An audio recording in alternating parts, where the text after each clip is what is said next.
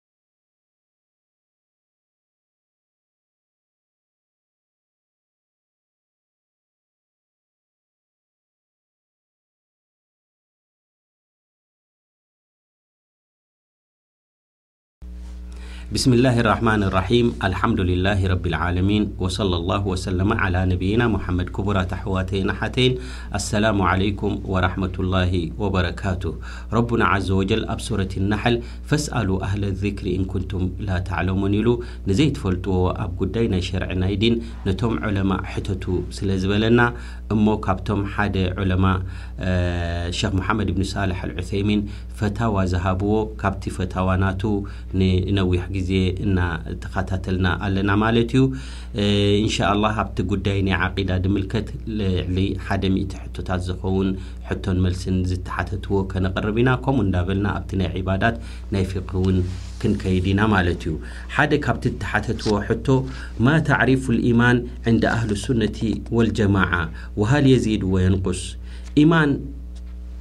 ክበሃል እንከሎ ኣብ ኣህሉ ሱና ወልጀማዓ እንታይ ማለት እዩ ኢማን እንታይ እዩ እቲ ታዕሪፍ ናቱ ብምንታይ ይግለጽ ኢማን ከምኡ ድማ እዚ ኢማን ስኒ ይውስኽን ክብ ይብልን ይጎድልን ድዩ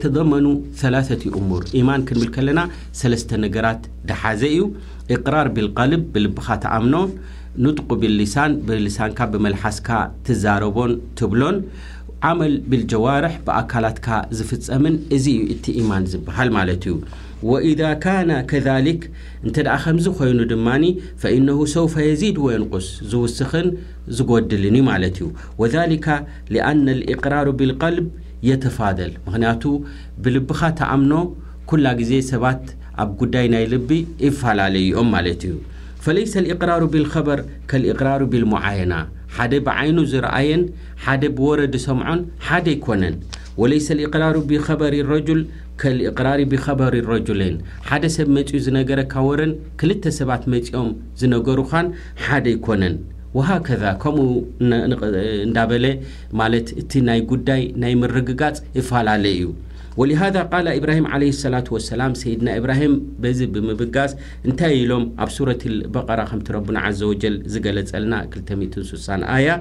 እንታይ ኢሎም ሰይድና ኢብራሂም ረቢ ኣሪኒ ከይፈ ቱሕይል መውታ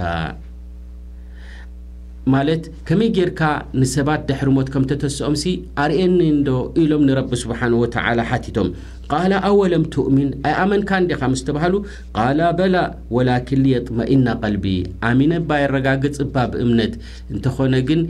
ቐ ማለት ኢመ ልበይ እጥሚናን ክገብር ስለ ዝዘለኽዎ እዩ ይብል ማለት እዩ ሊየጥመኢና ቀልቢ ርግኣት ክረክብ ስለ ዝደለኹ ይብል ወሊዛሊክ ፈልኢማን የዚዱ ምን ሓይሱ ኢቅራሩ ልቀልብ ወጠማእኒነትሁ ወስኩንሁ እምበኣረይ ኢማን ይውስኽ እዩ ከምኡ ድማ ጠማእኒና ርግኣትን ከምኡ እውን ህድኣትን ዘለዎ እዩ ማለት እዩ እዘን ወልኢንሳን የጅዱ ዛሊካ ምን ነፍሲ ወዲ ሰብ እውን ኩላትና ንፈልጦ ኢና ማለት እዩ ኣብ ልቡ እንታይ ከም ዝስምዖ ኩሉ ስምዒት ኣለዎ ማለት እዩ ፈዕንደማ የሕድሩ መጅልስ ንምሳሌ ይብል ኣብ መጅልስ ናይ ዕልሚ ኣብ ኢማን ዘለዎ ቦታ ኣብ ናይ ረቢ ስብሓን ወተዓላ ዝዝከረሉ ቦታ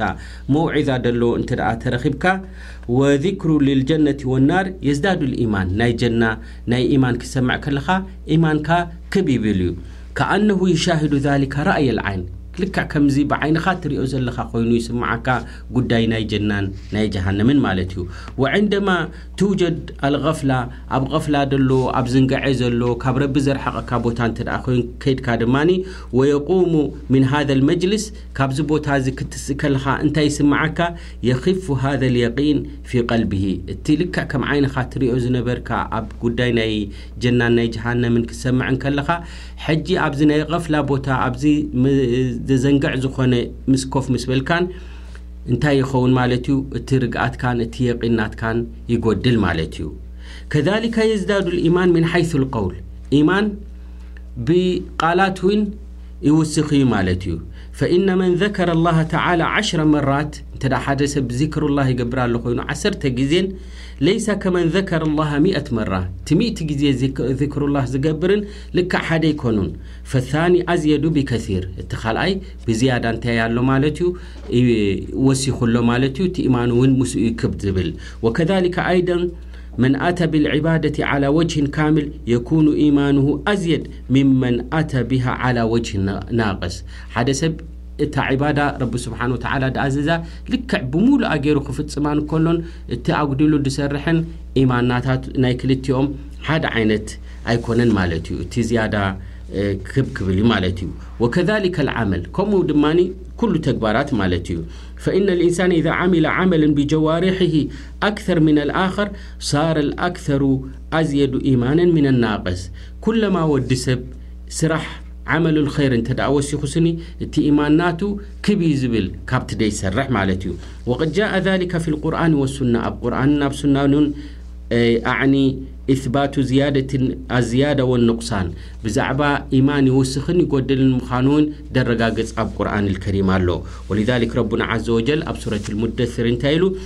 ወማ ጀዓልና ዒደተሁም ኢላ ፊትነተ ሊለዚነ ከፈሩ ሊየስተይቂነ ለዚነ ኡቱል ኪታበ ወየዝዳደ ለዚነ ኣመኑ ኢማና። ረቢ ስብሓነሁ ወተዓላ ብዛዕባ እቶም ናይ ሰብ ጀሃነም እቶም መላኢካታት ክንደይ ቁፅሪ ከም ዘለዎም ምስ ተገለፀ እንታይ ኢሎም ማለት እዮም እቶም ኩፋር እቶም ከሓድቲ ዝኾኑ ክሒዶም በቲ በቲ ዓቐን ዝተነገረ ማለት እዩ እቶም ሰብ መጻሕፍቲ ኣብቲ ክታብ ናታቶም ዝረኽብዎ ዝነበሩን ምስቲ ቁርኣን ድመጸን ልክዕ ኮይኑ ምስ ረኣይዎ ዝማ ድማኒ ዝያዳ ኣረጋጊጾም ማለት እዮም ላኪን እቶም ሰብ ኢማን ክንታይ ኮይኖም ረቡና ዓዘ ወጀል እንታይ ኢሉ ወየዝዳደ ለዚነ ኣመኑ ኢማና ምስቲ ኢማን ዝነበሮም ኢማኖም ወሲኾም ማለት እዩ ወቃለ ተዓላ ወኢዛ ማ ኡንዝለት ሱረቱን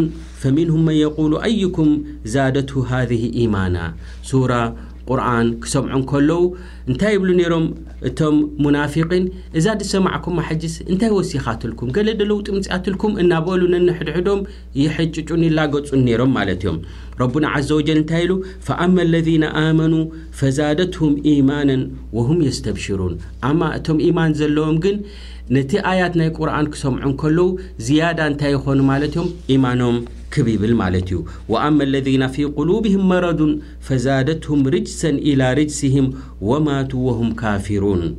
እቶም ሙናፊቒን ዝኾኑ ግን ሕማም ናይ ልቢ ዘለዎም ሕማም ናይ እምነት ዘለዎም ግን ምስቲ ዝነበሮም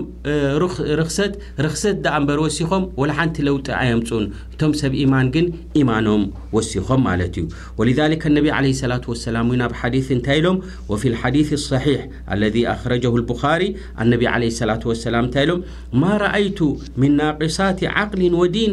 ኣዝሀበ ሊሉቢ ረጁል ልሓዝም ሚን ኢሕዳኩና ኢሎም። ኣነ ስኒ ጉድለት ናይ ዓቅልን ከምኡ ድማ ናይ ዲን ዘለወን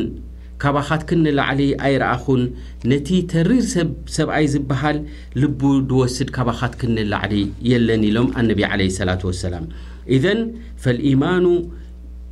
ኢዘን የዚዱ ወየንቁስ ኢማን እምበኣረይ ይውስኽን ይጎድልን ምዃኑ በዚ ይበርሃልና ወላኪን ማ ሰበብ ዝያደቱል ኢማን ኢማንካ ክብ ደብለልካ ደውስኸልካ እንታይ እዩ እንተ ኢልና ልዝያደቲ ኣስባብ ኢማንካ ክብ ከብለልካ ዝኽእል ኣሰበቡል ኣወል ማዕሪፈቱላሂ ተዓላ ብኣስማኢሂ ወሲፋትሂ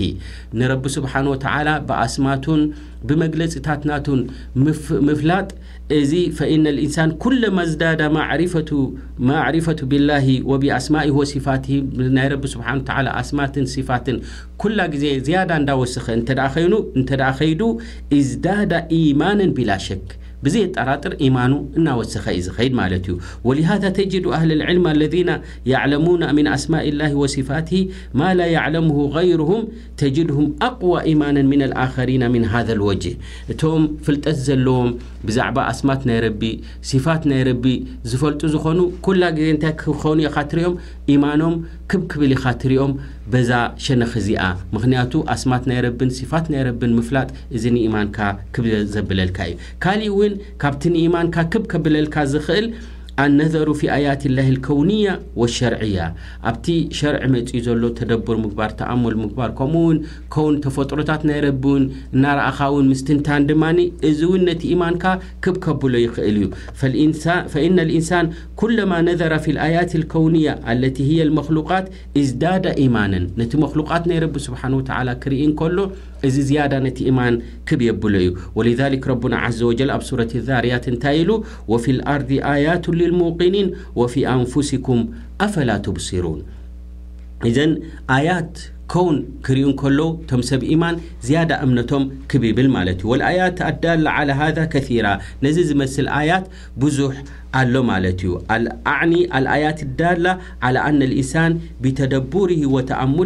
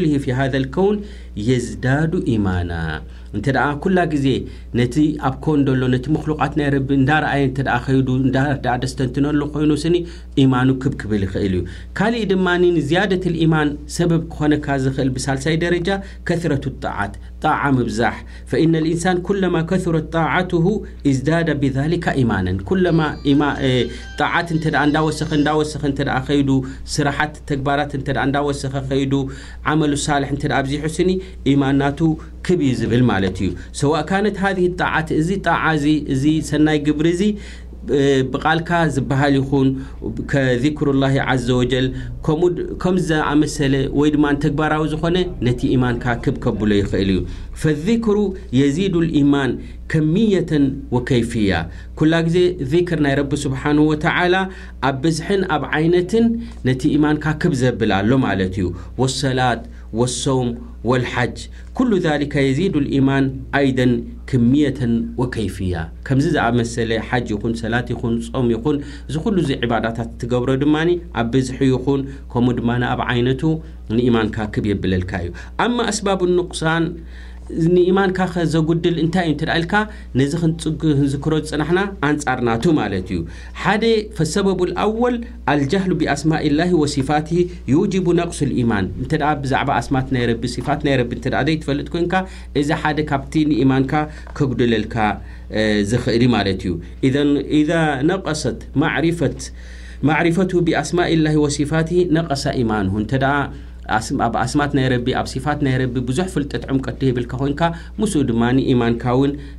ከምኡ ጉድለት ይረክብ ማለት እዩ። እዘን ኣሰበቡ ታኒ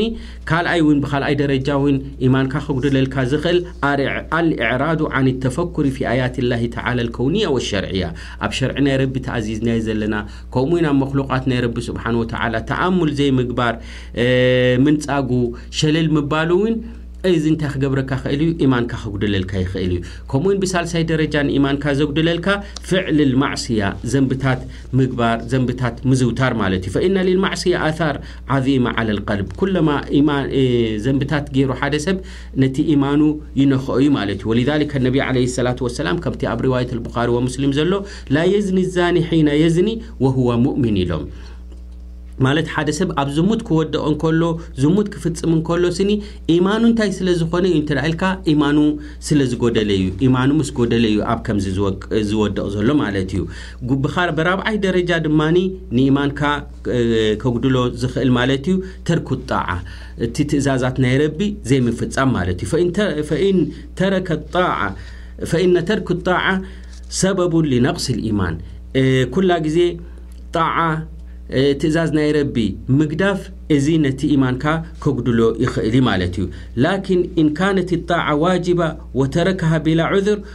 ፈሁዋ ነቅሱን ዩላሙ ዓለይህ ወዩዓቀብ እንተ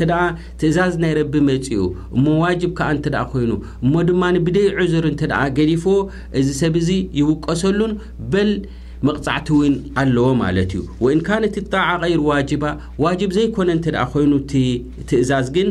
ኣው ዋጅባ ላኪን ተረክሃ ብዑዝር ወይ እውን ግዴታ ክኸውን ይኽእል እዩ ግን ብምኽንያት እውን እንተ ተሪፍዎ እንተ ገዲፍዎ ማለት እዩ ፈኢነሁ ነቅሱን ላ ዩላሙ ዓለይሂ ብምኽንያት ስለ ዝኾነ ኣይትውቀሰሉን ኢኻ ግን ንገዛእ ርእሱ ጉድለት እዩ ማለት እዩ ወሊሃዛ ጀዓለ ነቢዩ صለ ላሁ ለ ወሰለም ኣኒሳእ ናቂሳቱ ዓቅሊን ወዲን ነዚኦም ድማ ንነቢ ለ ሰላት ወሰላም ደቂ ኣንስትዮ ስኒ ኣብ ዓቅለን ይኹን ከምኡ ድማኒ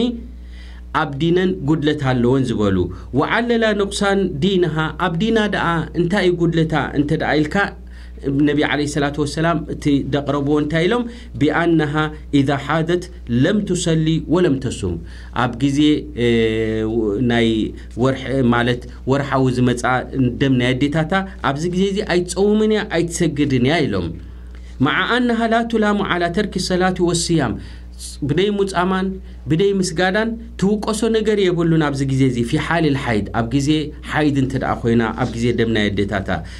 በል ህያ ማእሙረቱን ቢዛሊክ በል ሰላትን ስያምን ክትገድፍ ተኣዚዛ'ያ ዘላ